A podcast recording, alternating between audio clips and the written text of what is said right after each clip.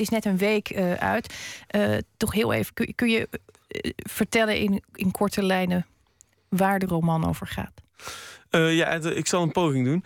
Um, het gaat een hoofdpersoon, een naamloze ik-persoon, Um, um, die kan niet echt goed verkroppen dat hij verlaten is in de liefde. En hij heeft toevallig gehoord dat zijn vriendin, uh, zijn ex-vriendin, de, de Santiago-route loopt. En, en dat vindt hij nogal uh, belachelijk. Uh, en dan besluit hij eigenlijk halverwege die, die route ergens in Zuid-Frankrijk op te wachten. Want hij weet van nou, dat die plek kent zij nog van vroeger. Daar kent ze wat mensen. Daar zit een een met een natuurcommune, een soort hippie uh, erfenis. En, en, en hij denkt van, nou, als ik daar ga zitten wachten... dan komt ze daar doorheen en dan kan ik zo het toneelstukje doen van... hé, hey, toevallig, ik was hier ook, jij hier. En dan komt alles weer goed. Um, um, dus dat is eigenlijk in, in, in een notendop uh, de vertelling. Ja, het, het geloof dat het goed komt. Kan ik... Ja, Precies, de, ook dat is weer, hoe zeg je dat, zowel dus die, die, die, die ik-persoon die niet kan verkroppen dat hij verlaten is. En, eh, en zijn ook heilige geloof daarin in een soort maakbaar universum. Um, um, viel ook heel erg samen voor mij met die um, commune die heel erg datzelfde gelooft. Van, van we kunnen ons afzonderen en, en we kunnen daar hier een, soort werkelijkheid stichten. Uh, dat een antwoord biedt op al onze uh, wereldproblemen. En dat, ja, dat, en, en, dat gaat natuurlijk in, in beide gevallen mis. En dat, ja, dat vind ik dan een mooie gelegenheid om, om, daar, om daar, daarover te hebben. Ja, want ik kan me zo voorstellen. Um, de meeste mensen hebben toch ooit wel geloofd in maakbaarheid. In ieder geval, uh, nou ja, misschien in je kindertijd, dat je nog denkt dat alles klopt. En we zijn ook gevoelig voor verhalen, die geven ons ook grip op de werkelijkheid.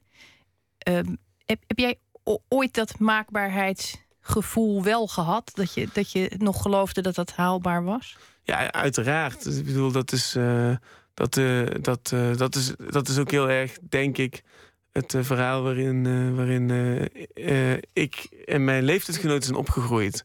En um, ja, op een gegeven moment word je wat ouder en dan ga je andere verhalen lezen die veel dichter de werkelijkheid benaderen. Of toneelstukken zien die de werkelijkheid dichter benaderen. Of, of liedjes horen die dat doen. En, en dan op een gegeven moment begon ik me af te vragen... waarom zijn niet alle verhalen zo? Waarom, waarom, waarom, waarom is dat niet het, het, het, het, corpus van verhalen die ons bereiken? En dat, dat is... Ja, dat, dus da, dat is eigenlijk... Uh, uh, wat me ook frustreert. Dat we eigenlijk, hoe zeg je dat, uh, aan, aan, een kind vragen we dan van wat wil je laten worden? En dan, dan zegt het kind astronaut. En dan zeggen we niet van luister eens, gast, gastje.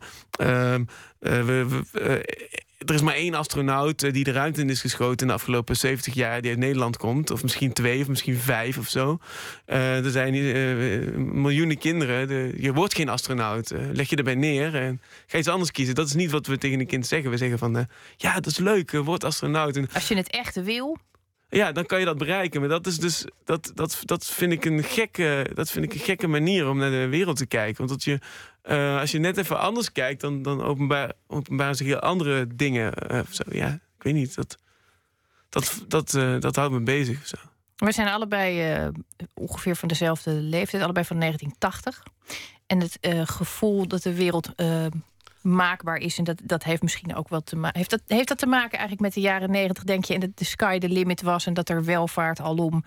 Dat we dat nog heel lang hebben geloofd? Heb je dat langer geloofd eigenlijk dan dan mensen van een andere leeftijd, denk ik. Dat weet ik niet, dat kan ik, niet, eh, dat kan ik eigenlijk niet beoordelen. Waar zat, waar zat de breuk?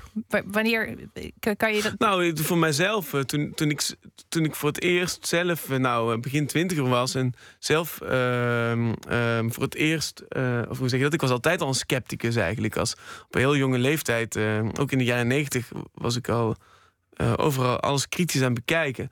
Alleen op een gegeven moment leerde ik een meisje kennen. En, en in één keer dacht ik van, oh wacht eens even, dit, het, uh, het is wel mogelijk of zo. De gedachte dat iets voor eeuwig kan zijn. En toen ben ik eigenlijk voor mijn gevoel erin geluisterd. In dat, in, alsnog via een soort achterdeurtje in, die hele, uh, in, in, dat hele idee van het maakbare leven. En toen, toen ik daar weer door verlaten werd, toen heb ik zelf een soort uh, schok ervaren. Een soort, door, door een soort vage periode heen gegaan. En, die, en denk dat, dat daar ook, eh, en dat is echt, nou praat ik al over tien jaar geleden of zo, of twaalf jaar geleden. Maar daar is wel voor het eerst iets, iets gebeurd. Dat ik andere boeken begon te lezen, eh, andere, op andere gedachten kwam. En daar is het eerste zaadje geplant voor, voor, voor het boek dat nu hier voor, voor, voor ons ligt. Dat is gewoon daar ergens begonnen, denk ik. En ik zie dat als een soort dubbele omslag. Van, uh, van eerst denk je van, nou, dat bestaat allemaal niet. Het is allemaal onzin. Ik, ik bedoel, allemaal Disney-films gezien en dan denk je van ja, goed, dat, dat, dat is natuurlijk niet de werkelijkheid. En dan op een gegeven moment maak je zelf iets mee waardoor je denkt van nou wacht, dan raak je toch een soort verleid. En als je dan uh, valt, dan, eh, dan, dan heb je een soort dubbele omslag of een dubbele salto gemaakt achterover of zo. Ja, dan. Um, ja, dus dat is denk ik uh, de, de, inspiratie geweest of zo. Maar je noemt het ook, je gebruikt het woord verleid. Alsof je ja, verleid ja, ja, ja, ik voelde me ook echt genaaid, ja. Ik heb ook nog nooit zo'n uh, zo, zo zwart uh, gevoel van, uh, van, van jaloezie gehad. Of van, van, van haatgevoelens of zo. En daar was ik heel nieuwsgierig naar. Ik, ik heb het idee dat... dat of ik, ja, eerst was het een soort zwarte duistere emotie. En op een gegeven moment denk je van, nou wat interessant eigenlijk. Er zit toch iets in gang ook weer of zo. Dat, dat is me uh, wel gefascineerd. Dus dat ben ik gaan onderzoeken, denk ik. Die, die, uh, die hele vage, uh, wat duisterdere emoties. zo. Ja, de, de, de ik-figuur in, het, in het boek... die ontmoet op een gegeven moment ook de, de, de nieuwe liefde van zijn ex-liefde. Ik kan het niet eenvoudiger zeggen dan dit. En wat mij toen opviel, dus een hele mooie scène. Er zijn meerdere mooie, hele mooie scènes in mijn uh, optiek, maar dat, dat, die viel me specifiek op. Zij zijn samen en de, de ik-figuur ergert zich met name ook aan de manier waarop die andere jongen samenvalt met zichzelf. Dat hij zonder ironie uit een riviertje één met de natuur water staat te drinken. En toen dacht ik, ja, maar dat samenvallen met jezelf um, is misschien wel iets waar jij nooit aan toekomt. Waar ook een soort jaloezie kan zitten. Dat andere mensen het wel lukt om te stoppen met registreren. Um, ja, dat, uh, dat, uh, dat zou heel goed kunnen. Ik weet, dat weet ik niet, maar, uh, maar dat, um, ik ben het zelf heel erg gewend dat ik altijd blijf nadenken en dat er altijd een, een, een beoordelingssysteem aan de gang is. Synchroon aan wat ik zeg. Ik ben nu aan het praten. Maar ik ben eigenlijk alweer allerlei dingen aan het denken. En ik ben allerlei dwaalsporen in mijn hoofd al in aan het gaan. En allemaal aan balen uh, van zinnen die ik net niet heb gemaakt. En, en, en, dat ben ik allemaal alweer aan beoordelen terwijl we dit gesprek hebben. En dat ben ik gewoon heel erg gewend dat ik dat doe. En uh, dat is een soort overlevingsmechanisme geworden. Waar ik heel uh, goed mee om kan gaan. Alleen Um, in het geval van mijn, ik, van mijn hoofdpersonage, die kan, dan, die kan dan misschien minder goed mee omgaan. En die, die valt dan om. En dat, is dan, dat vind ik dan zelf heel humoristisch. ja, dat is ook wel met een zekere verlekkering. Uh, kan je dat zeggen, verlekkering? Je schrijft het ook verlekkerd, merkte ik.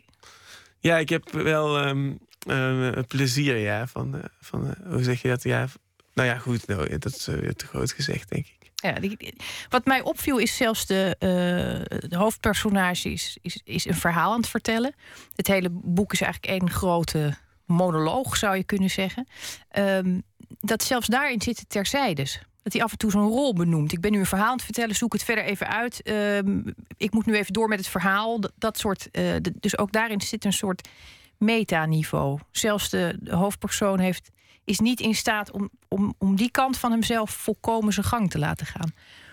Wat is het gevaar, denk jij, als, als, je, dat, als je het jezelf zou toestaan om dat meta-denken om dat los te laten? Wat gebeurt er dan met oh, jou? Ja, dat is echt een uh, interessante vraag. Uh, ik heb namelijk heel veel over die metaniveaus uh, nagedacht. En met name in toneel. Ik heb ook heel veel toneelstukken, of heel veel, ik heb een aantal toneelstukken geschreven. En in toneel is het voor mij een groot, pardon, een groot gevaar dat ik snel ofwel een, een meta-toneelstuk schrijf, ofwel uh, iets absurdistisch eraan toevoeg. En, um, en, dat, um, en daarom, daarom denk ik dat daarom ben ik zo blij met deze stiekeme uh, achterdeur ontsnappingsclausule uit de wereld die toneel heet. En nu, nu, nu ik langzaam me heroriënteren in het proza schrijven. want in toneel is dat echt lastig, zo'n metatruc. Omdat je dan toneel over toneel krijgt of zo. Of, dan, dan, dan heb je niks aan dat je de schrijver de schrijver moet juist een beetje verdwijnen uit, van de toneelvloer. Je moet personages gaan zien van vlees en bloed. En dan moet je gaan voelen en dan moet je achteraf er voor je heen lopen en denken van wie heeft het geschreven of zo. Maar, maar ik, ik schrijf mezelf altijd een soort van via die personages in zo'n toneelstuk, via meta trucs eigenlijk. Per ongeluk, hè? En, uh, maar bij proza is dat volstrekt geoorloofd. Je kunt gewoon allerlei... Ja, er zijn heel veel, heel veel uh, hoe zeg je dat? De, de Don Quixote. Uh, Cervantes deed het al met Don Quixote. Uh, dat hij dat hij eigenlijk zichzelf als verteller opvoerde die, die, die, die daar weer over vertelt. Of, of dat boek bestaat uit twee delen. In het tweede deel komen, ze, komen personages hun tegen die herkennen dan van het eerste boek. En die zeggen dan van, hé, hey, kennen jullie? Ja, dat klopt. we zaten in dat andere boek. Die metatrucken die, die zijn eigenlijk in, in proza... Uh, ondermijnen die niet wat je doet, maar kunnen ze het, uh, versterken. En daardoor krijg je volgens mij, dat is althans mijn insteek, een, ehm, ehm, daardoor krijgt een, eh, een vertelling een soort idee dat het echt is. En dat wil je natuurlijk, dat, dat jij denkt dat dat, dat, dat, dat dat poppetje op de achterkant, waar mijn hoofd op staat, dat die dit meemaakt. Maar dat is natuurlijk volstrekt niet waar. Dat is gewoon fictie. Maar ik wil natuurlijk dat je denkt: oh, dit is allemaal echt. En dat doe, je, dat doe ik dus met die uh, vorm, met die metatrucjes. Ja, dat, dat, is het te volgen of is het heel warrig? Nee, is, een beetje warrig, het is niet heel warrig, maar het is wel gelaagd. En uh, dus, er zijn een aantal lagen waar ik dan over na moet denken. Dus uh, misschien kom ik daar uh, op terug. Wat mij uh, opviel aan de gemeenschap ehm, die je beschrijft. Het, het, zijn allemaal mensen met goede bedoelingen, ecologisch verantwoord bezig, uh, één met de natuur. Um, ook daarin slaagt eigenlijk niemand van die mensen. Dat is ook heel somber. En toch moest ik ook soms verschrikkelijk lachen. Dat, dat is iets wat jij vaak doet. Het, je, zet, je zet een mensbeeld neer wat niet per, per definitie, eh, vind ik, vrolijk stemmend is. Um, dat, dat doe je in de snijtafel in zekere zin ook. Ik, ik, ik, ik zit het altijd met uh, pijn ook te bekijken. Dat ik denk, oh god, worden we hier ook weer bedonderd. Uh, dat, zie ik in je boek ook. Het is soms ontzettend om te lachen, maar wel, het is ook, ook een beetje lachen met pijn, vind ik. Om die personages en hun pogingen om. Ja, nou ja, dat is. Dat, dat, dat, ik ben blij om dat, uh, om dat te horen. Omdat. Uh, um, um, Um, ik het wel, uh, hoe zeg je dat? Ik, uh, de insteek is wel uh, oprecht. Ik, en zeker ook wat ik net zei. Ik hou van, zelf van, van literatuur die me de werkelijkheid laat zien zoals ik de werkelijkheid echt herken. En niet um, um, zoals we het kennen van heel veel Hollywoodfilms of zo. Dus dat is ook mijn insteek. En de werkelijkheid is is pijnlijk en is vervelend en is naar en is zwart en uh, zwartgallig. En, en kun je dan, als je dat, als je dat, uh, als je bepaalde niveaus van eerlijkheid bereikt, wat, wat ik zelf heel ingewikkeld en moeilijk vind, maar dat is wel de insteek. En als dat lukt, dan, dan is dat meestal ook wel humoristisch. En, omdat het zo uh, belachelijk is, de wereld. Sorry, nu moet ik er zelf een beetje om lachen weer. Dat is ook terecht. Ja. je zou ook kunnen zeggen, je pakt mensen wel ook hun troost af. Want die willen heel graag dat liedje van Bluff gewoon nou eh, lekker blijven spelen. En Susan Boyle, een prachtig verhaal over een dikke vrouw die dan toch nog heel succesvol. Dat zijn verhalen die we heel hard nodig hebben om ons te troosten. En dan ga jij daarin zitten prikken. Nou, kijk, ik, ik, ik op mijn beurt vind het altijd heel troostrijk als iemand zo'n blond doorprikt. Dat vind ik altijd heel troostrijk. Dat zijn gewoon de makers die ik bewonder. Dan denk ik, hè, hè, de, nog iemand ziet het zoals ik het zie. Dat vind ik heel fijn als, als bepaalde schrijvers of als bepaalde uh, sprekers me iets van de werkelijkheid laten zien. Op een manier die ik ook. Uh, kijk, dat verhaal van Susan Boyle, dat vind ik een heel goed voorbeeld. Um, kijk, het is niet dat ze zo mooi kan zingen en dat dat zo heroïs of zo episch is. Dat ze dus dat met dat mooie zingen daar staat en dan wint, wat haar unique selling point is. Maar het is haar, um, nou ja, hoe zeg je dat? Uh, de manier waarop ze eruit ziet. Ze is niet moeders mooiste. En tegelijkertijd is een hele mooie stem. En die combinatie is haar unique selling point. En dat, dat is maar één. Dat, dat maakte dat wij dus de illusie hebben dat het heroïs is. Maar het is niet heroïs, het is gewoon niet zo mooi. En dat is pijnlijk. Dat moet je niet zeggen. Ik verpest dan het feestje. Maar dat is wel wat, wat, wat mensen ehm, aanzet. En dat, dat vind ik dan heel dat vind ik dan, als, als, als, als, iemand dat tegen mij zou zeggen, dan zou ik denken: ach, gelukkig, iemand zegt het gewoon. En dat vind ik dan prettig, snap je? Dat vind ik troostrijk. Dat, iemand, dat ik niet gek geworden ben. We gaan even luisteren, uh, want dat past heel goed in dit kader. Uh, een fragmentje van de Snijtafel, voor wie het uh, niet kent. webserie, die is tegenwoordig bij de correspondent. Je hebt het ehm, ook voor de VPRO gedaan. Het is samen met Casper Jansen. Ja, ik was C. Jansen. Ja, is het een. De, de, bedoeling is dat jullie kijken wat er achter taalconstructies eigenlijk. nou eigenlijk gebeurt. Achter de schermen van de taal. We gaan een stukje luisteren. Het is een stijlboek, maar in de breedste zin van het woord. En het gaat ook over onze vriendschap en uh, over allerlei thema's uh, waar wij mee te maken hebben. En met heel veel humor en uh, zelfrelativering. Een boek uitbrengen dat helemaal over jezelf gaat, vind ik geen teken van enorme zelfrelativering. Waarschijnlijk ja. gaat het over het leven van deze twee actrices rondom de glamour. We zien ze niet alleen op de rode loper, maar we zien ze ook naast de rode loper. Een peuk rokend in het dakraam ja. enzovoort. Als ik ergens fan van ben, vind ik dat heel interessant. Maar als ik niet fan ben, vind ik het dus ook meteen heel oninteressant. Je bent natuurlijk altijd toch een, een, onderdeel van een machine als je in een film speelt of in een mhm. toneelstuk speelt. En nu konden we veel meer de regie in eigen handen houden. En hebben we dit gewoon helemaal zelf gemaakt. Ik lijk een zelfstandige actrice. En het lijkt alsof ieder shot mijn shot is. Maar ik ben gewoon een tandwieltje in een machine. Precies. Die uitspraak is zelfrelativering. Maar vervolgens zeggen, ik wil nu een keer in het middelpunt staan. Ik ga nu zelf een boek maken. En dat boek gaat over mij. Dat is geen zelfrelativering. Dat is zelfcentralisering. Ja. Mooi fragment is dit. Het is een heel uh, veel bekeken uh, aflevering geweest over uh, de wereld draait door en de, en de procedés die daar gelden. Wat ik mooi vond aan die aflevering is dat je iets doet wat ik eigenlijk in je werk verder ook terugzie. Ik zie het in Paaltje aan de horizon. Ik zie het ook in Meester, toneeltekst die je geschreven hebt. De sensatie dat mensen een rol krijgen toebedeeld en niet zeker weten of die hen past. Um, en, en de worsteling die je ziet, dat, dat zie je bij de wereld door continu gebeuren. Mensen krijgen een rol toebedeeld en, en worden daar min of meer in gedwongen. Dat is iets dat jou volgens mij al heel lang, en, en misschien is dat nooit anders geweest, uh, fascineert. Ja, het dwars zit zelfs. Ja, dat is dwars echt. Uh, ja, dat, ja, dat vind ik echt. Uh, um, um, misschien een voorbeeld wat ik, heel, wat ik heel vaak al heb aangehaald als ik met vrienden aan het praten ben, maar wat ik gewoon nu schaamteloos weer uh, op dis, uh, is een moment in de wereld door ooit. Ik weet niet meer welke uitzending het was, maar dat was een fotograaf. Um, in die uitzending. En die fotograaf had foto's gemaakt uit de Tweede Wereldoorlog. En zijn punt was dat dat, dat een collectieve werkwijze was. En dat, dat het niet om, om, die, om, die, om, die, om dat heroïsche van dat fotograferen in de Tweede Wereldoorlog ging. Maar omdat, omdat ze het belangrijk vonden om dat, om dat uh, te, te, in beeld te brengen. En daardoor hadden ze een collectieve werkwijze. En, en, en ze hadden ook geen. Uh, uh, hoe zeg je dat? Ze hadden ook niet van dit is mijn foto en dit is mijn foto. En toen zei de presentator, uh, Matthijs van Nieuwkerk, zei van, van dit is jouw foto. En, en, hij zei van ja nee, dit, dit, is niet mijn foto. Want ik zeg net, het is een collectieve werkwijze en het ging niet om dat het zijn of mijn foto was. Het ging erom dat we die oorlog in beeld brachten. Eh, en toen werd hij een beetje in die, in die helderrol geduwd. Een beetje van, jawel, jij bent een held. Maar dat zei hij niet zo letterlijk. Maar dat, dat is eigenlijk voor mij een soort iconisch moment geweest... Waar, uh, waarin alles zit wat mij stoort aan dat... Omdat het zo helder is. Dat, dat, we dan, dat, dat wij met dat, met, dat, met dat coherente wereldbeeld... en die onbegrijpelijke, tussen aanhalingstekens, oorlog... en, uh, en, en, en, en daar zitten wij mee opgezadeld met een soort vaag schuldgevoel. Maar dat begrijpen we dan via zo'n zo, zo iemand die we zogenaamd graag willen zijn. Dan copy-pasten we onze verlangens op deze man. En dan noemen we die man een held. Want zo was ik ook geweest als ik, als ik daar was. En, en, en, en die man legt juist heel helder en heel eenvoudig uit... waarom dat nu juist niet het punt is.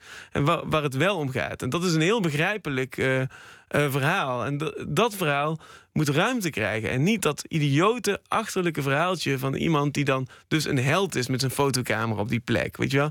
Iedereen in dat moment zat ergens. En waarom is dan die man die op, op, op klik duwt, is ineens de held? Wat is dat voor een belachelijke verhaal? Nou goed, dus dat, uh, dat is in een notendop wat me er zo aan stoort. Um, is, uh, begrijp je? Ja, dat, dat, dat begrijp ik. En uh, tegelijkertijd denk ik wel, als ik je hoor...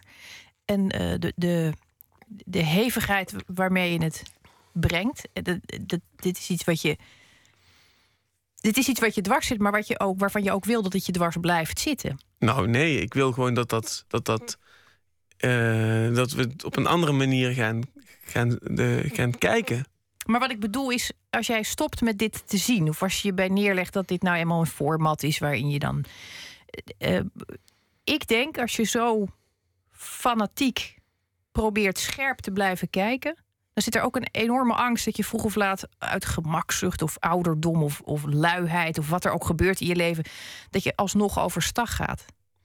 Nou, nee, uh, kijk, ik zie het gewoon op die manier. Um, en, uh, en het frustreert mij dat. dat, dat, uh, dat maar, maar het is niet dat ik.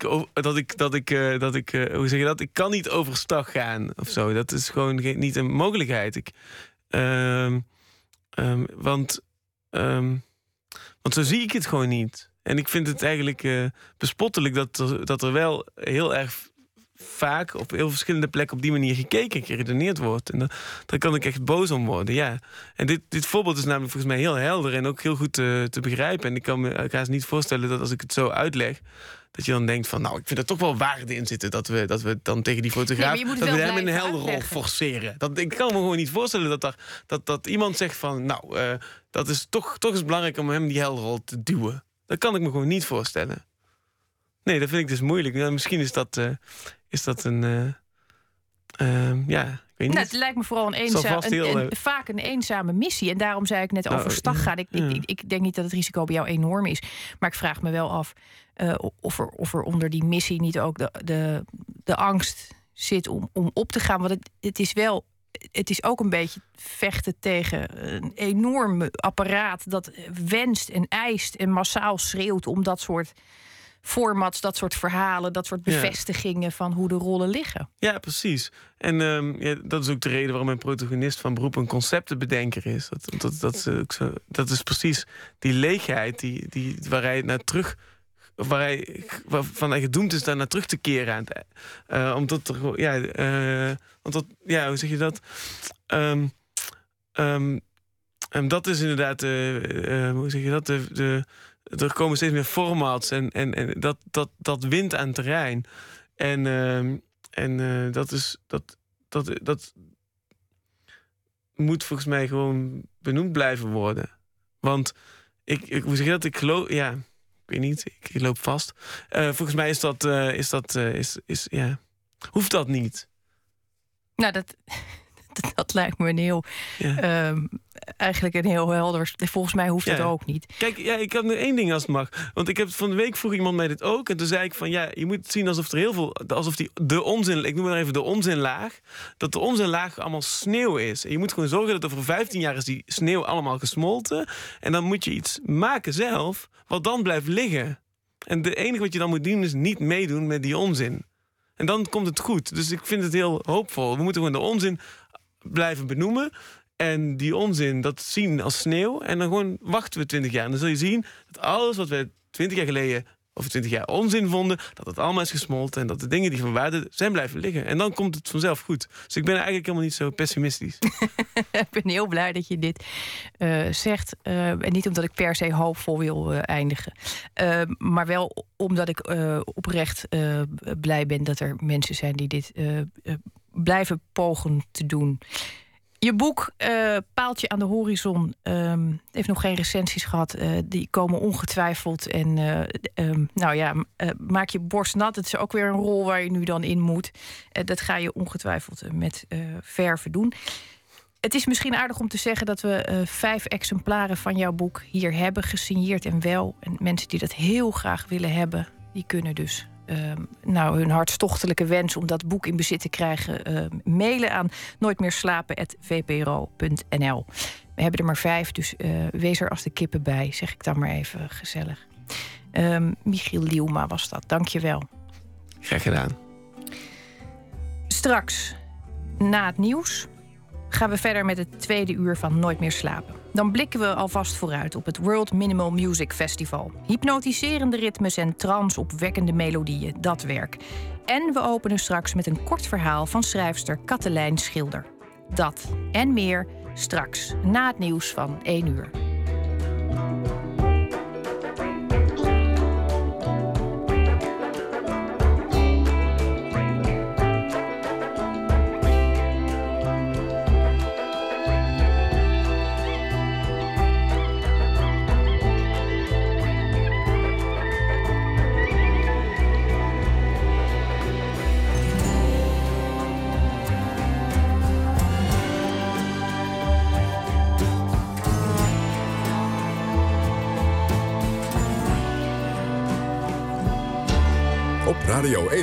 Het nieuws van alle kanten.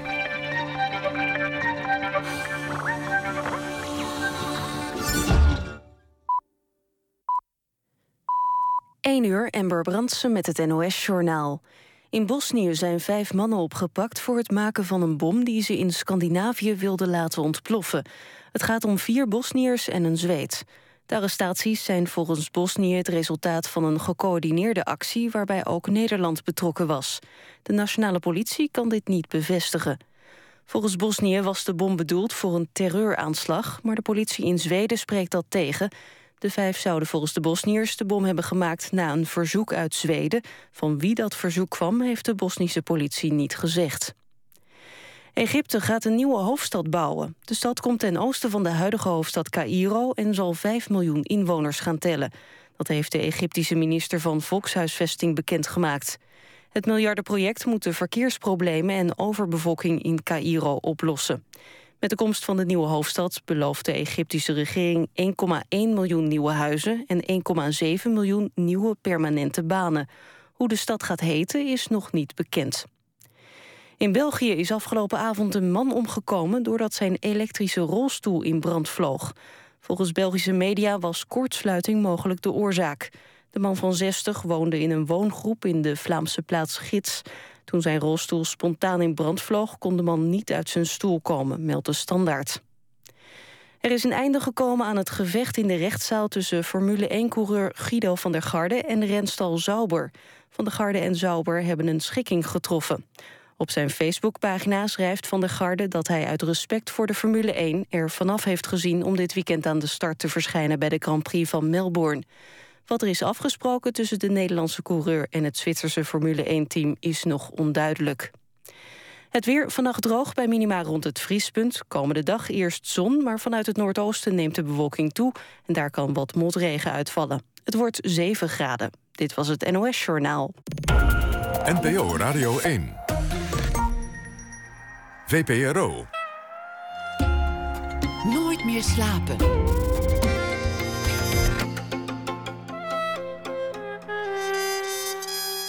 met Esther Naomi Perquin.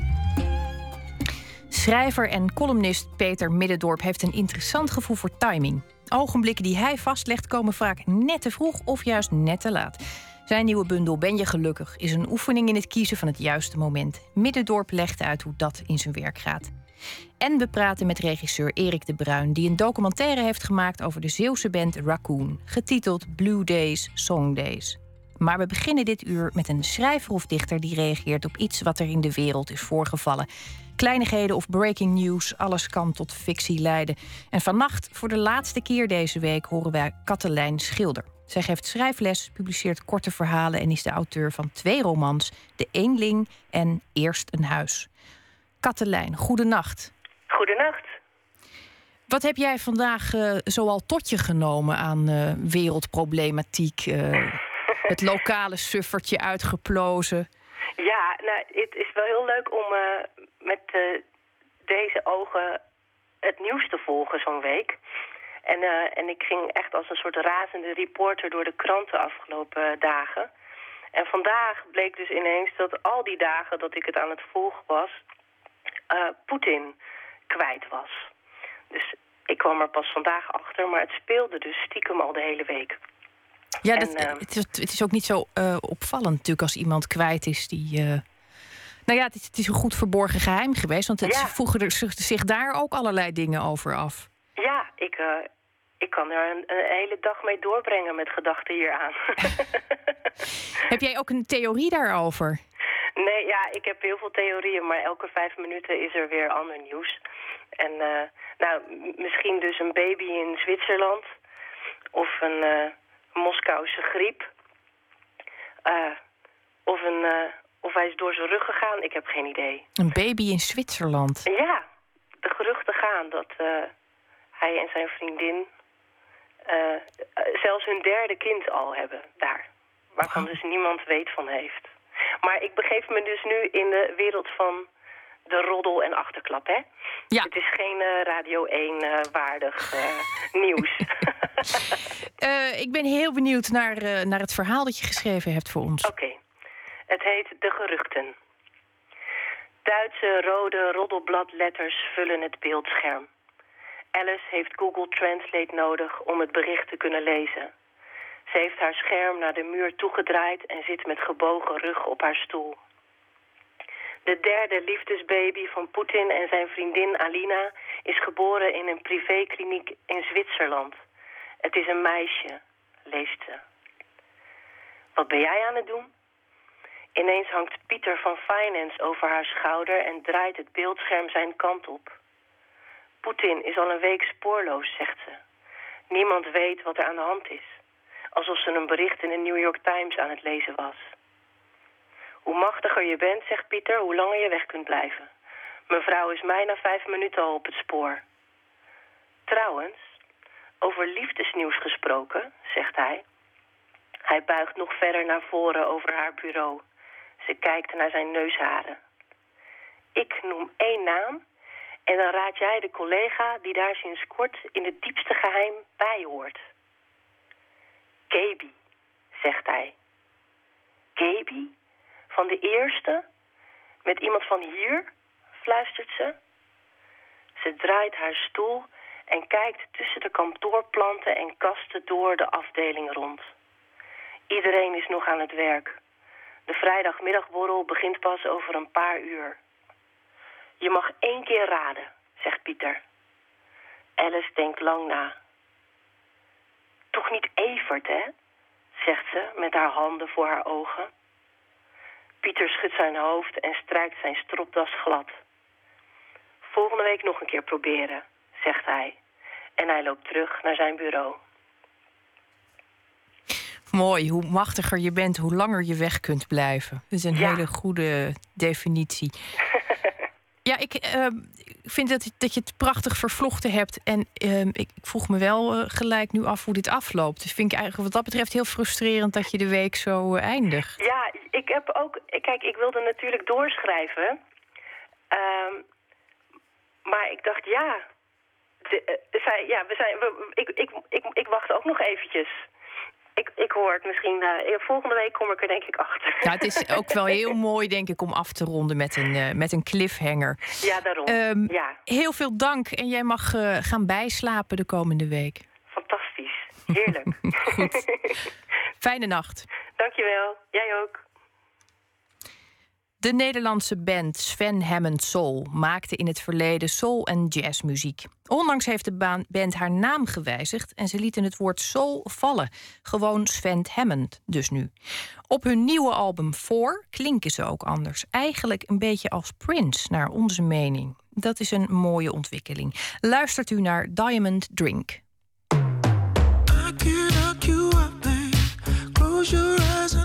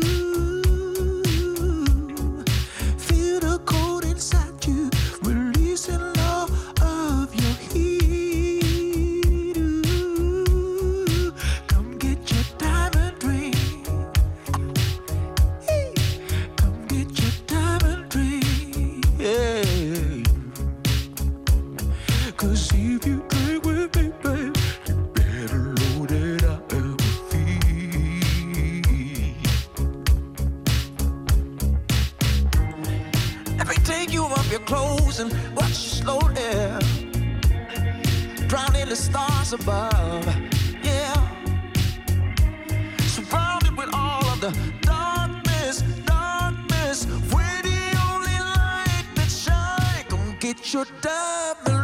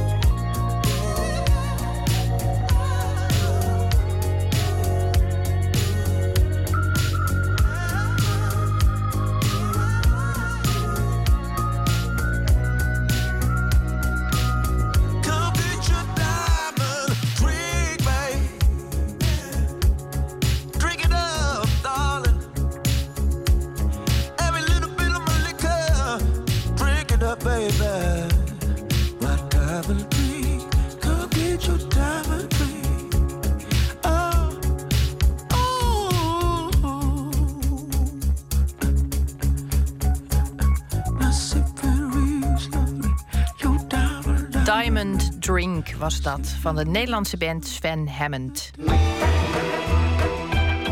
Nooit meer slapen. Hoe ontstaat een liedje? Regisseur Erik de Bruin volgde de Nederlandse band Raccoon in de aanloop naar hun nieuwe album All in Good Time. Hij maakte er de documentaire Blue Days, Song Days over. Floortje Smit sprak met de Zeeuwse regisseur over zijn portret van Raccoon, dat zaterdagavond wordt uitgezonden. Het draait bij ons om de liedjes, om de songs. En dat blijft het belangrijkste. Dus we gaan gewoon songs schrijven. Althans, daar zijn we nu mee bezig. En de beste songs wordt de nieuwe plaat.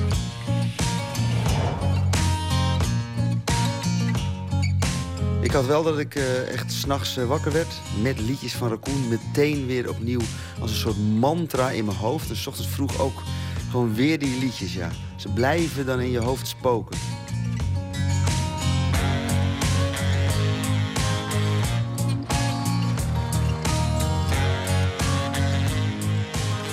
Dat is het sterke aan die liedjes van Raccoon. Dat ze in je hoofd gaan zitten. Ze kruipen in je hoofd en je krijgt ze er niet meer uit.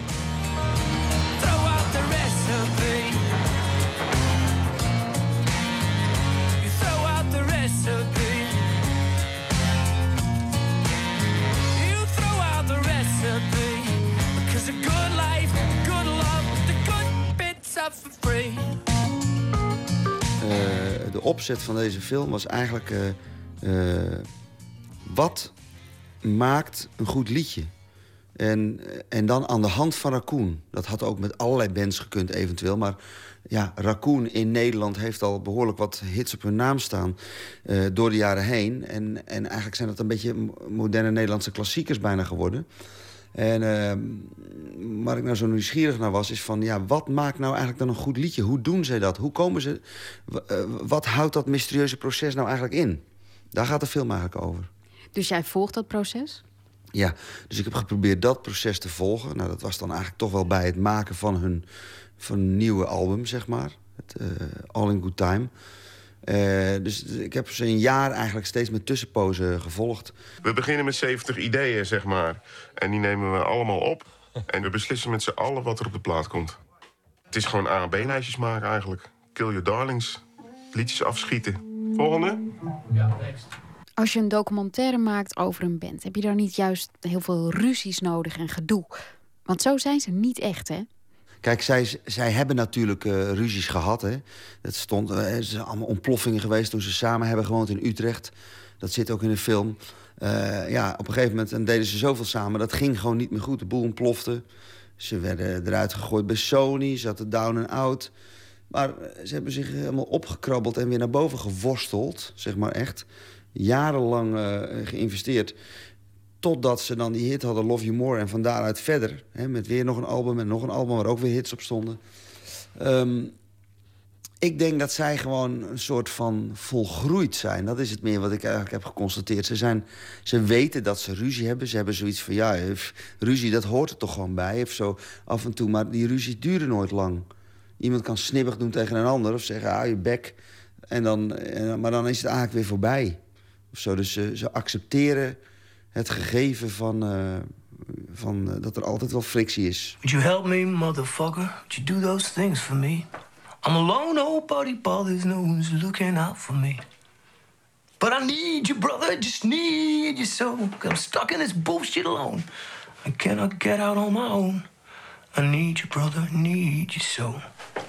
Cause I miss my family and I miss my home. En voor mij was die af. Maar um, men vond van niet. Dus die gaat op de plank.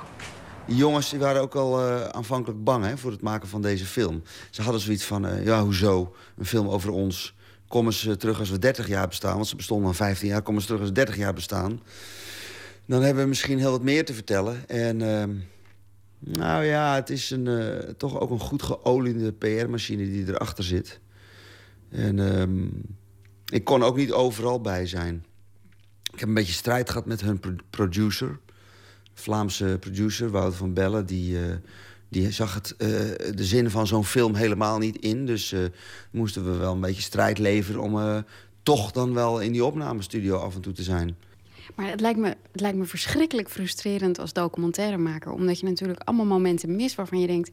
ik had daar gewoon bij willen zijn. Het was voor mijn film zo ontzettend goed geweest. Ja, ik weet niet of ik zoveel dingen heb gemist, eerlijk gezegd. Ik vraag me af of ik heel veel dingen heb gemist. Je bent gewoon... Uh, uh, je probeert zoveel mogelijk bij allerlei dingen te zijn. Maar je kan niet overal bij zijn, hè? Ik, zei, ik maakte als een grap zo van... Uh, nee, zeiden ze, je mag niet mee onder de douche. Hè? Of ik had volgesprekken met hen. En zeiden ze van, ja, ik word soms wel eens s'nachts wakker. En dan, dan denk ik, ik moet dit eigenlijk nu opnemen. Dus dat had ik ook wel vanuit de research in mijn plan geschreven. Van, ja, dat is mooi, dan zie je hem wakker worden... en dan staat hij in het donker op, knipt een lampje aan, loopt naar beneden. Maar ja, dan wordt het wel erg in scène zetten natuurlijk... want dat ben je gewoon niet bij. En nog los daarvan had, had, ik ook, was ik wel geïnteresseerd in van... maar hoe gaat dat in hun leven? Want dat, de, de, de fans, denk ik, van Raccoon vooral... wat, wat die helemaal niet weten van Raccoon is... ja, ze wonen in Zeeland, oké, dat weten ze dan wel. Maar hoe verder dan? Wat doen ze eigenlijk in hun leven? Nou ja, bijvoorbeeld in die voorgesprekken vertelde Stefan, de bassist, me dan van... Ja, ja, zegt hij, nou dan ga ik eh, met mijn campertje rijden.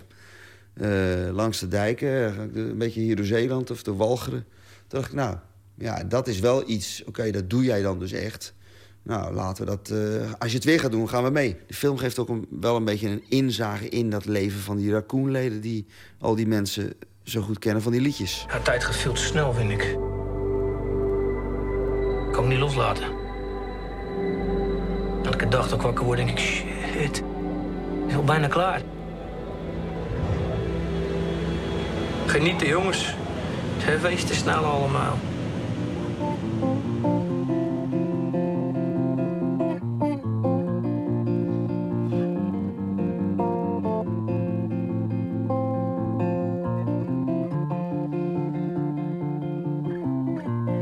Jij bent zelf ook Zeeuw. Hielp dat bij deze documentaire? Nou, een klein beetje. Ik kan soms grapjes maken in het Zeeuws. En uh, zij kende mij eigenlijk van een clip die ik gemaakt had, uh, Clean Again. En ze kende mij eigenlijk van Wilde Mossels. En uh, ik was ook wel nieuwsgierig naar of dat nu eigenlijk van invloed was als Zeeuw. Hè. Het hielp ook wel bij de liefde voor Zeeland. Of, ja, uh, ze hebben ook wel een bepaalde liefde voor Zeeland. Die deel ik wel met hun. Het gaat over uh, feng shui landschappen of zo. De rust die dat strakke geometrische landschap bijna misschien wel heeft. Bart zei van... Het is een beetje een, een, soort van rustpunt. Een klein eiland en een wild kolkende rivier. Zo, zo, zo, ziet hij dat. En ik ging mijn scenario's, mijn filmscenario's vroeger ook altijd in Zeeland schrijven... om toch ja, meer rust te hebben, zeg maar. Ja, want jij legt de link in de documentaire ook heel erg. Want je benadrukt de landschappen, je benadrukt hoe ver het is eigenlijk van, uh, uh, van de rest van Nederland misschien. Wat, wat zit er in dat landschap dat die creativiteit losmaakt? Ja, dat is een goede vraag. Wat zou dat zijn? Misschien toch wel die rust. De, de, de geometrische eenvoud van het landschap uh, maakt dat je dus daar makkelijk uh, nog beelden op kan plaatsen. Misschien dat dat het is, dat daardoor je creativiteit meer ruimte, dat er meer ruimte is voor je creativiteit dan, laten we zeggen, iets wat heel druk en heftig en chaotisch is.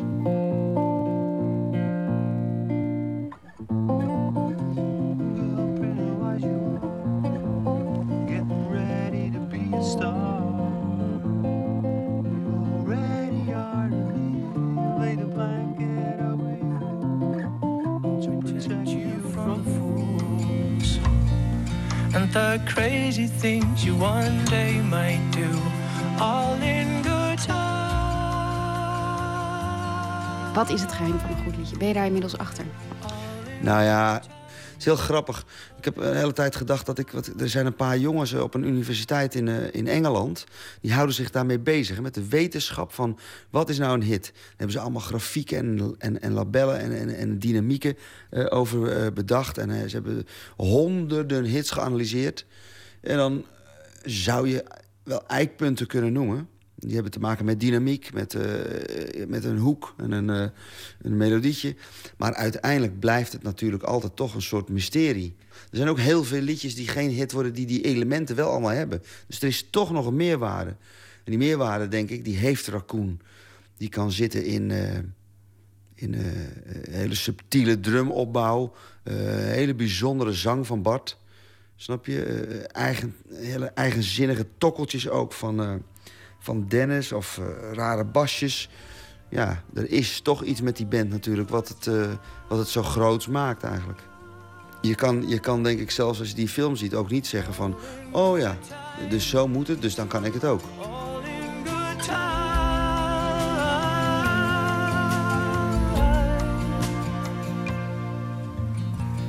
Princess, young and wise you are, getting ready to be a star. You'll always be a star to me. Regisseur Erik de Bruin was dat in een bijdrage van Floortje Smit. De documentaire Blue Days, Song Days wordt zaterdagavond uitgezonden om vijf over half tien op NPO 3. En het zal u niet ontgaan zijn, het is Boekenweek. Met dit jaar als thema de waanzin in de literatuur. Schrijver en psycholoog Ranne Hovius schreef hierover het boek Vogels van Waanzin. In Nooit meer slapen bespreekt zij elke dag een waanzinnig romanpersonage. De week wordt afgesloten met Weerter, de hoofdpersoon in Goethes brievenroman Het lijden van de jonge Weerter. Moedeloosheid en onlust hadden in Werthers ziel steeds dieper wortel geschoten. Zich hecht met elkaar verstrengeld en geleidelijk aan bezit genomen van zijn hele wezen. Van zijn harmonieuze aard was niets meer over. Een innerlijke gejaagdheid en drift die zijn oorspronkelijke vitaliteit ondergroef, bracht allerlei tegenstrijdige strevingen in hem teweeg en liet hem tenslotte alleen maar achter een gevoel van uitputting. Die Leiden des jongen Werther draait om de 24-jarige Werther, die op slag verliefd wordt op een jonge vrouw, Lotte. De liefde wordt echter niet beantwoord, want Lotte is al verloofd werd dat een soort bitterzoete pijn om van haar te houden. Hij was, het was pijn enerzijds en het was allemaal prachtig anderzijds. Dat kwam omdat zij leefde in de, uh, in de 18e eeuw, boek geschreven in 1774. En toen was er onder de, uh, de elitaire bevolking, zou ik maar zeggen, was een, uh, een soort sensibiliteitscursus. Gevoel stond heel hoog aangeschreven. Gevoel was wat de, de fijn besnaarde man onderscheiden van de botte burgerman. Tot zover lijkt Werther een romantische ziel. Maar hij kan steeds slechter ontsnappen aan zijn verlangen naar Lotte. Wat hij geleidelijk ontwikkelt is. Uh, dat bitterzoete wordt steeds bitterder. Het, het gebrek aan succes maakt hem toch steeds uh, maakt dat het verdriet toch steeds meer de overhand krijgt over al die mooie, uh, geëxalteerde gevoelens die hij over de heeft. En zijn hele gedrag dan uh, is wat je in die tijd, zeg, zwaarmoedigheid neemt toe, zijn, zijn levensmoeheid, zijn prikkelbaarheid. Dat zijn allemaal tekenen van wat men in die tijd melancholie noemde. En wat we nu een depressie zouden noemen. Hij voelt zich steeds beroerder. En tenslotte pleegt hij ook zelfmoord. Dat, uh, dus ja, dat is wel een hevige, zware depressie te noemen.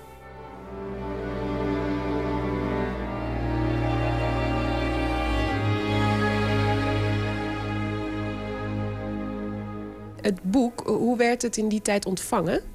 Het was meteen een bestseller.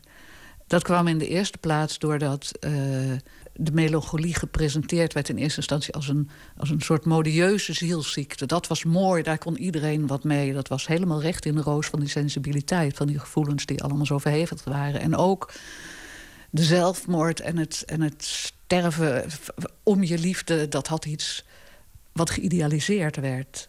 Was ook het lievelingsboek van, uh, van iemand als Napoleon. Een enorm succes dus. Maar Goethe zelf is al snel niet meer blij met zijn boek. Goethe wil daar helemaal niet eens mee geassocieerd worden. Want hij is eigenlijk enorm geschrokken van het effect wat het boek op, uh, op veel mensen heeft gehad. Wat was het effect dat het boek had?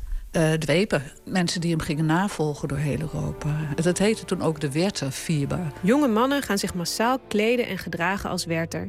Maar dat is niet het ergste. Veel erger was dat, uh, dat heel veel jongens ook uh, zelfmoord gingen plegen. Dus het, het, is, dat noem je nu ook nog de Werther-fieber. Als je bijvoorbeeld zo, uh, als bij Kurt Cobain, dan had je ook een aantal mensen die daarna ook zelfmoord dat, dat, dat, nam echt toe, het aantal zelfmoorden daarna. Dat noem je eigenlijk nog altijd de Werther-fieber. Laat zo'n boek dan zien, de impact die het heeft... dat je als schrijver misschien wel heel voorzichtig moet zijn... met het schrijven over een bepaalde stoornis? Niet in de zin uh, dat mensen zelfmoord gaan plegen naar aanleiding van boeken. Wel dat, uh, en, ja, dan kan je zeggen, moet je daar voorzichtig mee zijn, een beetje wel. Dat je heel erg beeldbepalend wordt. Mensen leren over uh, waanzin, wat het betekent. Leren ze eigenlijk voornamelijk uit verhalen. Dat is de mogelijkheid om je te verplaatsen in een ander. En, en te zien wat het betekent in het dagelijks leven om gek te zijn. En in die zin kan je als schrijver wel invloed hebben op hoe er naar waanzin gekeken wordt. Hoe, hoe mensen beoordeeld worden die, die psychische stoornissen hebben. U hoorde schrijver en psycholoog Ranne Hovius in een bijdrage van Inge Terschuren. En over onmogelijke liefdes gesproken. Onversneden emotie met een randje rauwheid. Je zou van minder toch al hele mistige ogen krijgen. Ik heb het over Dana Koerts. Ze wordt wel vergeleken met Nina Simone en Marion Faithful en staat naast die namen helemaal niet gek. Deze week verscheen het album Rise and Fall. Een van de nummers die daarop staat is A Few Confessions. Sometimes I dream I'm in love with other men With a genius, with a stranger Once with your best friend. And in everyone I'm happy And excited and ashamed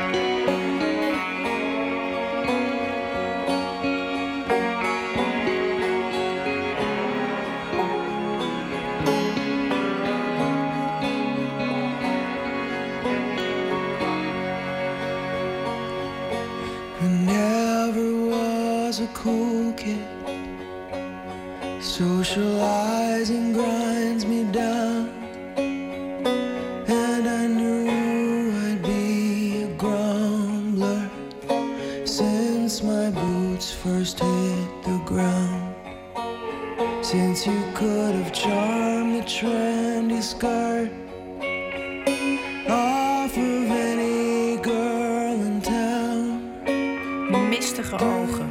Ik zei het al. Over een dag of tien doet zij een aantal optredens in Nederland. Dena Koerts. En hier zong zij A Few Confessions. Nooit meer slapen. Iedere vrijdag bellen we voor een culturele tip met één van VPRO's smaakmakers. Vandaag doen we dat met Tom Klaassen, presentator van Vrije Geluiden op Radio 4. Het programma dat zich richt op klassieke en nieuwe muziek. Tom, goedenacht. Hoi Esther, hallo. We gaan het hebben over minimal music. En de aanleiding is het World Minimal Music Festival. Dat vindt plaats in het Muziekgebouw in Amsterdam. Vijf dagen lang, vanaf eh 8 april. Nou, dat duurt dus nog wel even. Maar we wilden met jou alvast eh, vooruitblikken, aangezien er nu nog kaarten te verkrijgen zijn. Eh, voordat we aan het programma toekomen, toch eerst even een vraag. Wat verstaan we eigenlijk precies onder minimal music? Ja, ik denk dat de meeste dat het mensen het meeste zegt als je zegt dat het herhaling is. Eh, dus minimal music is eh, eh, veruit de populairste stroming uit de klassieke muziek van de 20e eeuw. En dat komt voor een deel omdat het zo grensoverschrijdend is geweest. Hè. Er waren heel erg veel jazzfreaks en popliefhebbers en zo... die ook fijn konden aanhaken bij de minimal music... die eigenlijk in de eerste instantie een beetje ja, hopeloos uh, avant-gardistisch was... maar steeds meer eh, zich aansloot bij de tegencultuur. En dat kwam omdat minimal music eh, gemaakt werd met ehm, eh, ritmes die je kent uit, uit popmuziek en uit jazz en uit rhythm and blues. En die werden herhaald, herhaald, herhaald, herhaald, herhaald, herhaald. En daardoor komt de luisteraar in een soort heel prettige, idealiter natuurlijk, in een soort prettige, transachtige staat waarin eh, deze muziek hem eh, eh, voortdrijft over de wolkjes van gelukzaligheid, zou ik zeggen. Het klinkt echt heel aanlokkelijk als je het eh, zo vertelt. Ja, leuk Eh, hè? Ja. Is het dat ook? Want het is nu de, de vierde keer dat het eh, World Minimal Music Festival wordt gehouden. Het is ook het grootste festival in het genre, ook eh, wereldwijd gezien. Is het nou toeval dat dit festival juist in Nederland wordt georganiseerd? Nou, of het het grootste festival is, weet ik niet. Het is zeker wel een van de eh, grootste. Het eh, behoort ongetwijfeld tot de top 5. Ehm, en eh, dat, is, nee, dat is geen toeval, want in Nederland is minimal music ontzettend populair. En vooral ook onverminderd populair. Minimal music is eigenlijk een beetje een... ja, als je het wereldwijd bekijkt, is het eigenlijk een beetje een jaren 60, jaren 70 genre. Hè? De belangrijkste werken van, eh, ja, noem maar op, Terry Riley, eh, Philip Glass, ehm, eh, Steve Reich en Lamont Jong, die, die komen vooral uit dat tijdperk. Maar eh, in Nederland eh, sloeg dat echt even heel lekker aan. En we hebben ook een aantal eh, eigen minimal music componisten die ook ontzettend populair zijn. Misschien ken je eh Simeon ten Holt, de canto ostinato, werk voor, eh, voor vier waarbij heel veel mensen pretenderen eh, enorme transcendente en levensveranderende ervaringen te hebben. Eh, en dat is, eh Simeon ten Holt is niet zo heel lang geleden overleden, maar dat was een Nederlandse componist en een Nederlandse voorvechter van dat genre die het ook echt levend heeft gehouden. Want die kanto was gigantisch groot, vooral in de jaren 80 en ook nog wel in de jaren 90 en nu trouwens nog steeds. En ehm, dat heeft een soort continu vliegwiel-effect voor die minimal music ge- eh, gecreëerd en het altijd in Nederland actueel en, eh, en, en, en belangwekkend gehouden. Ja, want je, je zei net al dat, eh, dat, dat het in allerlei stijlen dat er aan te haken valt. Ja. Het, ik, het klinkt mij toch een beetje als leek. eh, dat ik denk, nou, herhaling, herhaling. Eh, het, het klinkt toch een beetje als, eh, eh, als, als iets eh, wat ook een beetje saai zou kunnen zijn. Waar zit het spannende dan in? Het kan ook, het kan ook saai zijn, eh, maar het, het, het spannende zit hem vooral in het experiment. Dus er, wordt, eh, er wordt heel veel geëxperimenteerd met ritmes en met, het, met de overgang naar verschillende ritmes. En saaiheid is natuurlijk, eh, eh, nou ja, vooral misschien wel in muziek, ook een heel relatief begrip. Want minimal music is dus vooral gericht op het maximale gewin zeg maar, halen uit het minimale. En dat minimale dat betekent dat de muziek heel erg weinig ehm, verandert en eigenlijk weinig variatie kent. Maar het is er dus wel op gericht om een soort maximale emotionele reactie bij je teweeg te brengen. En het is ook, het is, het is ook uh, vaak een beetje meditatief bedoeld, zeg maar. En ja, dat, het kan zijn dat als je het super nuchter beziet, dat dat heel saai is. Maar er hoort natuurlijk ook wel een beetje een bepaalde mindset bij, weet je wel. Weet je wel. Ja, Ik, ik, ik kan me daar wel iets bij voorstellen. Um, ik las ook, de hoofdgast van de komende editie is dus Terry Riley. Um, ook een van de minimal music componisten van het eerste uur. Kun je daar iets uh, over vertellen? We hebben een uh, fragmentje, dat is uh, aardig. Zullen we dat Ja, even luisteren? Daar, laten we daar eerst eens even naar luisteren. Ja, het is een uh, fragment um, A Rainbow in Curved Air. Ja.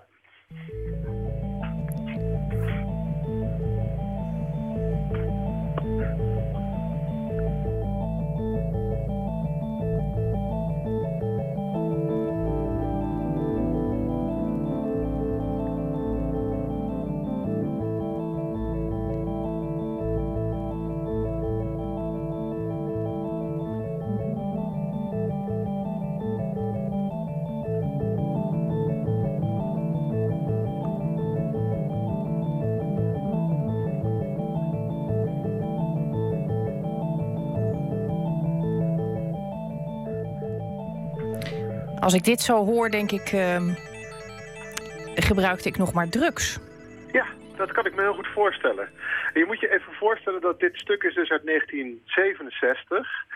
Uh, en het, het, klinkt nu misschien een klein beetje gedateerd of zo, of, of iets minder uh, fris. Maar daar zijn natuurlijk hele golven, ambient en techno en allerlei andere elektronische muziekvormen overheen geklapt in de afgelopen decennia.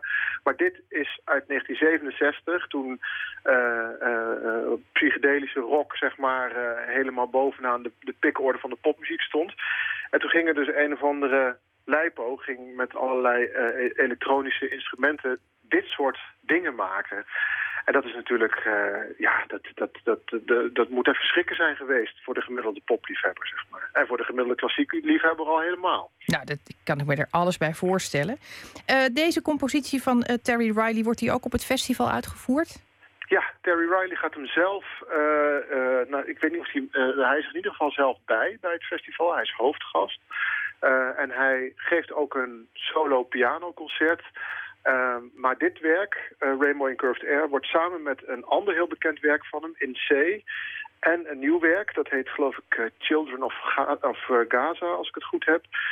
dat wordt gespeeld tijdens het openingsconcert. Um, en um, ik weet eerlijk gezegd niet, ik weet dat ensemble Luna Tree speelt een stuk. En Stargaze speelt een stuk, maar of, hij zelf speelt, dat weet ik niet. Maar hij is in ieder geval wel aanwezig. En dat is natuurlijk al uh, een, een, behoorlijke uh, happening op zich. Want uh, zo'n grootheid als Terry Riley, die zie je niet iedere dag. En dat is ook de reden waarom we er nu inderdaad over praten. Want nu kunnen mensen er nog naartoe. Want het verkoopt rap uit, kan ja. ik u wel vertellen. Heel goed, uh, dankjewel Tom. Uh, vijf dagen lang Minimal Music dus... met onder meer werk van Terry Riley en Louis Andriessen. Vanaf 8 april in het Muziekgebouw in Amsterdam. En wie meer wil weten over dit festival... of andere vormen van nieuwe muziek... kan terecht op de website vpro.nl slash vrije geluiden. In de jaren 90 zat zanger-gitarist Evan Dando bij de Bostonse band The Lemonheads. Nu toert hij even solo. Op 21 maart staat hij in Tivoli Vredenburg in Utrecht en op 22 maart in de Tolhuistuin van Paradiso in Amsterdam. Wij luisteren nog een keer naar een oud Lemonheads liedje uit 1992, My Drug Buddy.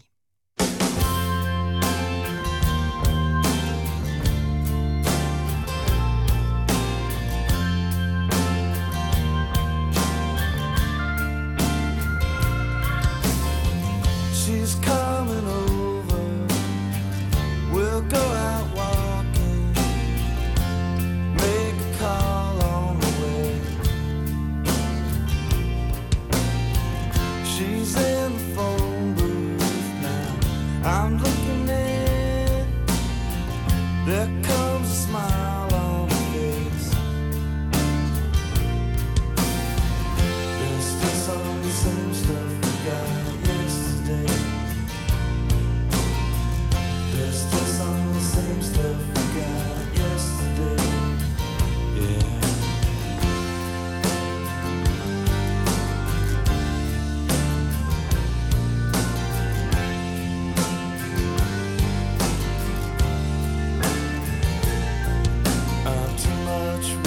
myself.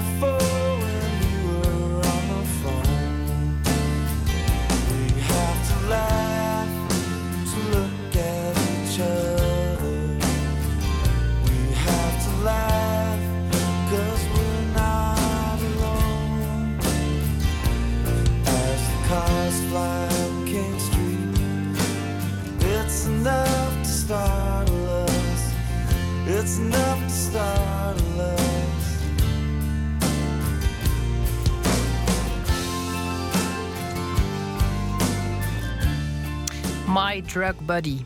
U hoorde de Lemonheads. En zanger Evan Dando komt dus binnenkort voor twee soloconcerten naar Nederland. Nooit meer slapen. Peter Middendorp lijkt het meest op zijn gemak als zijn verhalen balanceren tussen geluk en ongeluk. Een balans die elk moment verstoord kan worden door een mislukte grap, een laatste glas of de verschijning van Ferry Mingelen. In het boek Ben je gelukkig zijn Middendorps meest persoonlijke verhalen gebundeld. Maarten Westerveen zocht Middendorp op bij hem thuis in Groningen.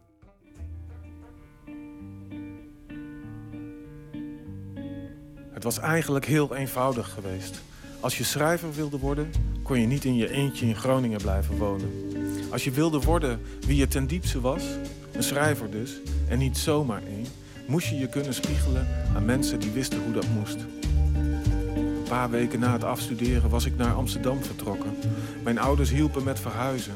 Ze zetten een boekenkastje tegen de muur, melk in de koelkast en een fiets voor de deur met een extra slot erop.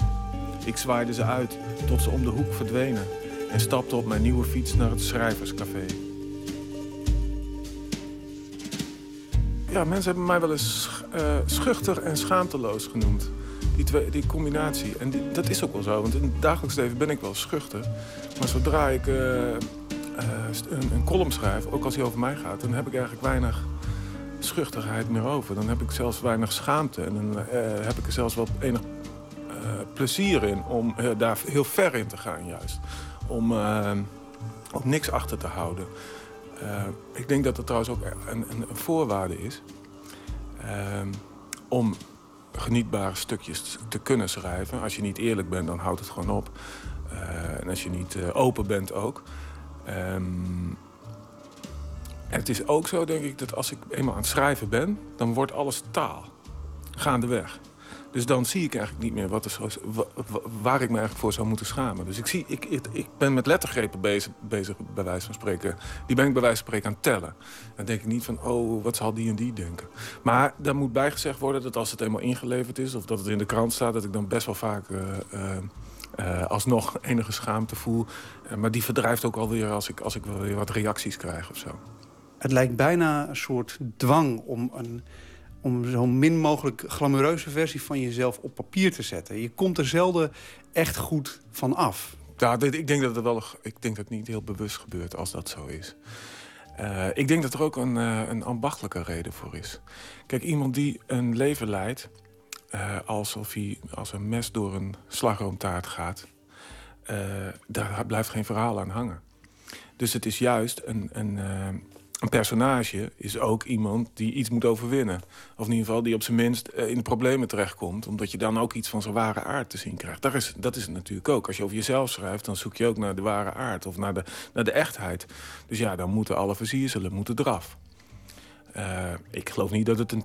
Nee, ik geloof niet dat, dat ik schrijf als therapie om mijn eigen schuchterheid te overwinnen. Dat geloof ik niet. Ben je een ander als je schrijft? Eh, ja, want heel veel sociaal wenselijk gedrag eh, hoef je niet te vertonen. Dus je hoeft, niet, je hoeft je niet beter voor te doen dan je bent of zo. Kennelijk, ik, ik hoor me dit zelf zeggen, dus kennelijk moet het in het dagelijks leven wel. Eh, je moet natuurlijk ook, het is ook een soort vriendelijke versie van jezelf. Maar het is ook altijd iets wat in je zit, wat je wil gebruiken, wat je wil thematiseren. En wa- daar zie je een, dat je een kleine ontwikkeling ziet. Mensen zijn natuurlijk niet elke dag even mooi. Dat, en, en door te doen alsof. Eh, Reven zei al, eh, vrolijke mensen zijn een beetje eng. En dat, herken ik wel. Ehm, eh, ja, daar zit het, dat is het leven gewoon niet. Het leven is gewoon niet dat, je het gewoon altijd, dat het altijd maar leuk is. En mensen zijn ook niet altijd maar leuk. Voor jou niet? Ik bedoel, dat uh, kan net zo goed zijn dat er mensen zijn... voor wie het leven wel zo is en die wel altijd oprecht vrolijk zijn. En dan is het wel heel eng voor jou om, om te bedenken... dat dat soort levens ook mogelijk zijn. Nou, kijk, nee, ik zeg gelijkmatig. Altijd precies gelijkmatig is een leugen of een ziekte. Het kan niet, dit, is onmogelijk. Ook, ook de meest uh, goedmoedige, gelijkmoedige mensen... die hebben rotdagen of rotmomenten. Dus dat, dat, tenminste, ik ben nog nooit... Nee, dan, dan kom je echt, als je gewoon zeg maar, een vlakke gemoedstoestand hebt... dan ben je een psychopaat, toch? Nou, tenminste, dat denk ik. Jouw verhalen zijn wel vaak wel gekleurd door een ander soort gelijkmatigheid. Namelijk die, nou, ten eerste zijn eh, ze zijn vrij gevoelig. Het, elk, eh, elk evenwicht is heel kwetsbaar. En dingen slaan snel om naar een beetje lullig of net teleurstellend. Er is het, het, het, het risico van, van, van falen ligt eigenlijk altijd ook bij het, het helderste zonnetje bij jou op de loer. Het heeft ook met smaak te maken. Ik vind dat grappig. Kijk, ik denk ook dat het leven een beetje zo is. Uh, het leven is natuurlijk... Je krijgt nooit de keuze tussen iets heel goeds en iets heel slechts. Bijvoorbeeld? Wil, je, wil je een kopje koffie of wil, zal ik je in elkaar slaan? Dat is het leven niet. Het is toch, wil je een niet zo gelukt kopje koffie... of een nog iets minder goed gelukt kopje koffie? Dat, hè, te kiezen tussen twee kwaden, daartussen laveren. En, en, en dat is een tragische positie natuurlijk. De mens, het heeft ook met een mensbeeld te maken. Kijk, de mens is natuurlijk iets, iemand die iets wil. En die gaat daar achteraan. En dat lukt natuurlijk niet. Uh, of, of het gaat anders dan hij verwacht, hij of zij. En daar, dat is de grondstof uh, van het... Of dat is misschien de tragiek van de mens... en dat is ook de grondstof van het verhaal, in mijn ogen. Dus ja, misschien heb ik wel een zeker tragisch mensbeeld... maar ik vind het ook grappig. Ik probeer dat ook juist met, uh, ik vind, met humor dat een beetje te verlichten. Het is niet zo dat ik de hele tijd somber zit te zijn... of dat ik mezelf een enorme klootzak vind. Maar als ik eens een keer een lullig moment heb, dan denk ik wel, dan, dan ga ik daar wel over nadenken. Van waarom is dit lullig nu eigenlijk? En, en, en soms levert dat iets op, dat denkwerk. En dat kan het begin van een column zijn. Het café had altijd al op mijn belangstelling kunnen rekenen.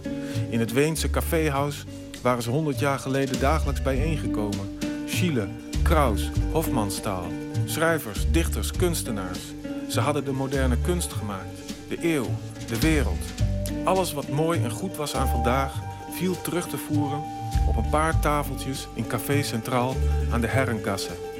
Zelfs de column was er geboren. Ja, zo was het begonnen. Ik was voor het Schrijverscafé naar Amsterdam gekomen en voor het Schrijverscafé was ik er nog. Maar na anderhalf jaar in het Schrijverscafé moest ik toegeven dat het Schrijverscafé-leven mij een beetje in de benen was gezakt. Wanneer is lulligheid mooi? Wanneer wordt dat mooi? Als iemand bijvoorbeeld, en ik heb het nu over mezelf, uh, hoogmoed komt voor de val. Die levens, die, dat soort levenslesjes. Dus ik zal dat wel even gaan doen. En dan uh, zelf moeten constateren dat het even heel anders in elkaar zit dan je had gehoopt. Of even, even dacht uh, te, kunnen, te kunnen doen, zou ik maar zeggen. Dan is lulligheid mooi. Tenminste, ja, vind ik. Je hebt een goed gevoel voor voor, timing voor het lullige. Want je, je lijkt mensen altijd net op het verkeerde moment te treffen. Uh, bekwaam je daarin of is dat een soort natuurlijk instinct? Ik denk dat het een beetje van beide is. Ik bedoel, het heeft ook met liefde te maken. Kijk, als je een persconferentie zelf is natuurlijk een, uh, een, een masker. En vlak daarvoor of vlak daarna, dan, daar, is het leven. Daar, daar is de werkelijkheid, zou ik maar zeggen. Dus daar richt je dan je, je, je blik op. Het is niet zo dat ik zelf een klungel ben die te laat komt... en dan maar een stukje schrijf over wat er is, na de persconferentie is gebeurd. Maar dat is wel het moment dat je in iemands ogen kunt zien... Van, hè, dat iemand zucht, het masker laat vallen en, denkt, en je hoort een bewijs van preken... denkt van, oh, wat ging dat slecht of zo. Of, of oh, dat heb ik even schitterend mooi gedaan of zo. Dan, dan is er wat te zien. Dus dat heeft ook uh, met persoonlijke voorkeur, maar ook met ambachtelijkheid te maken, in mijn ogen. Leef je eigenlijk leef je op zo'n moment dan mee als het nou ja, op een mooie manier fout gaat? Uh, ja. Ja, dat kan ik zelf ook wel in mijn buik voelen soms. Als iemand echt iets, uh, een scheve heeft gereden. Stel dat iemand doet, probeert iets in een persconferentie goed te praten. Het lukt niet en je ziet hem daarna even in zichzelf keren... of, of je ziet dat gezicht betrekken of zo. Ja, dan, dan kan ik dat zelf ook wel een beetje voelen, ja. Je probeert iets, je doet iets... En wanneer valt, nou, eh, wat, wat gebeurt er dus als, als, als de uitvoering samenvalt met, jou, met jouw ambities, met je wensen als schrijver? Ja, maar dat uitzicht uh, Ehm, ik werk wel een beetje intuïtief. Kijk, een idee krijg je ook nooit met je hoofd, maar met je buik. Je loopt over straat, je ziet iets of je denkt aan iets... en dan voel je het in je buik. Dit is een column of dit is een verhaal. En dan ga je dat uitwerken. En uh, als je de laatste punt hebt gezet, bij wijze van spreken... dan voel je dat gevoel weer. Dan weet je, dit is goed. Of als je er zelf nog een keer hard om kan lachen, bijvoorbeeld. Uh, het heeft ook met taal te maken. Dus uh, als het heel ritmisch uit je, uit je vingers vloeit... dan weet je ergens wel, dan voel je wel dat het goed zit. En het heeft ook een letterlijk effect. Namelijk als ik zit te typen, of ik de toetsen raak. Als ik goed schrijf, dan raak ik de toets. Als ik slecht schrijf, zit ik de hele tijd opnieuw en terug. En weet je, dat gaat allemaal samen. Dus als het goed gaat, is het net alsof ik piano zit te spelen. Wat wil je dat jouw werk doet? Uh, nou, dat is eigenlijk wel een goede vraag. In zijn, als een eenvoud. Het is ook niet zo dat ik die vraag nu voor het eerst krijg in mijn leven. Maar ik, blijf hem bijna onbeantwoordbaar vinden. Wat wil je graag? Ja, je wil allereerst dat mensen een mooie leeservaring hebben. Kijk, het gaat mij om de schoonheid van de taal ook. Uh, om, om de schoonheid van een mini-verhaaltje. Hoe een kleine ontwikkeling tot ontplooiing komt. Of hoe, de, hoe, je iets bloot kunt leggen in het menselijk gedrag. Of in het politieke uh, bedrijf. Uh, ja, gaat, ja, het gaat denk ik toch uiteindelijk om schoonheid. Zoals in vroege tijden op vreemdelingen werd gereageerd in een saloon... zo reageerden de schrijvers op mij toen ik de volgende dag het schrijverscafé betrad. Alle gesprekken vielen stil. Iedereen keek naar mij. Drie mannen stapten van hun krukken en gingen voor me staan. De armen over elkaar. Ik was gezien. Iedereen kende mij. Mijn aanwezigheid was voortaan overbodig. U hoorde Maarten Westerveen in gesprek met schrijver Peter Middendorp. Zijn nieuwe bundel heet Ben je gelukkig en verscheen bij Prometheus. Een klassieker van Marvin Gaye, How Can I Forget?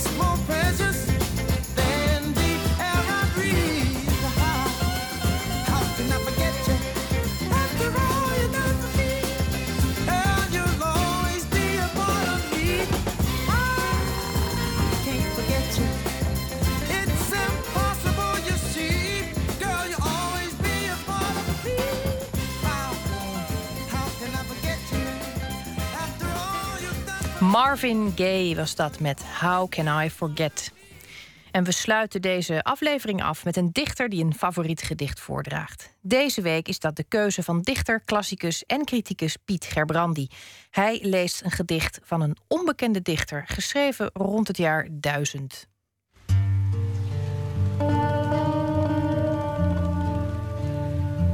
Een zeer mysterieus gedicht uit de begin van de 11e eeuw is overgeleverd in een paar handschriften.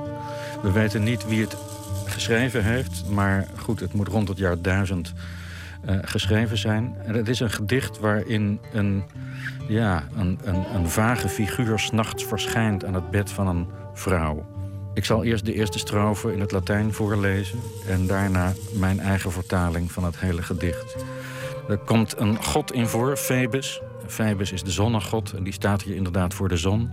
En zijn zus is Diana en dat is en de godin van de jacht en de godin van de maan. Maar dat is verder de enige achtergrondinformatie die je nodig hebt. Phoebus appierat subtractis cursibus, equitabat soror effrenis curibus.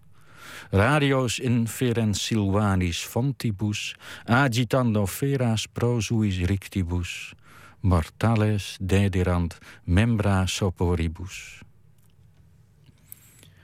Phoebus was verdwenen aan het einde van zijn baan. Zijn zuster was verschenen en liet haar paarden gaan. In bossen werden bronnen beschenen door de maan. Zij joeg de wilde dieren achter hun prooien aan. De stervelingen rusten tot het kraaien van de haan. Het was in de aprilmaand, inmiddels is het mei... een dierbare gedaante verscheen die nacht aan mij. Hij heeft mij lief geroepen. En even wilde hij mij strelen, maar zijn tranen verhinderden dat hij kon zeggen wat hij wilde. Ik verstond niet wat hij zei. Bij zijn streling kromp ik eerst sidderend ineen. Toen ben ik opgesprongen en mijn angst verdween. Mijn uitgestrekte armen sloeg ik om hem heen, maar direct verstijf ik, lijkbleek en haast van steen. Hij blijkt ineens verdwenen en ik ben weer alleen. Klaar wakker nu en helder roep ik met al mijn kracht: Waar vlucht je heen, mijn liefste? Het is nog middernacht. Ik zal, als jij dat ook wilt, steeds met je meegaan. Wacht. Met jou mijn leven delen, dat is waarnaar ik smacht. Maar achteraf betreurde ik mijn te luide klacht. Door mijn open vensters viel nog steeds het mild en zilveren maanlicht van Diana, waar ik wild, ontroostbaar nachtlang huilde tot het warme zilt geheel vergoten was, en ik totaal verkild de dagengraad begroeten die elk verdriet verstilt. En hier eindigt deze serie van dichter, klassicus en criticus Piet Gerbrandi. Volgende week stelt Kira Wuk voor ons een kleine bloemlezing samen. En ik vertel nog iets over maandag. Dan komt tekenaar Peter van Straten langs. U kent zijn werk ongetwijfeld uit de krant of dankzij zijn gebundelde cartoons. De krasserige tekeningen met de karakteristieke achtergrondarceringen. Volgende week wordt hij 80 jaar. En in de voorstelling Leger gaan de makers op zoek naar wat uitgezonde militairen bezielt en tot welke trauma's dat leidt. We spreken met acteurs Herman Gillis en Gijs Naber en met de schrijver van het stuk Rick van den Bos. En met filmmaker Sander Burger praten we over Ik ben Alice. Een documentaire waarin drie oude, alleenstaande vrouwen opmerkelijk bezoek krijgen. Bij wijze van proef wordt zorgrobot Alice een tijdje in huis geplaatst. Een komst die de bejaarden niet onberoerd laat. Dat allemaal maandag. Dan is Pieter van de Wielen er weer. Straks kunt u luisteren naar Woord met dit keer als thema de jungle. Ik wens u een hele fijne nacht.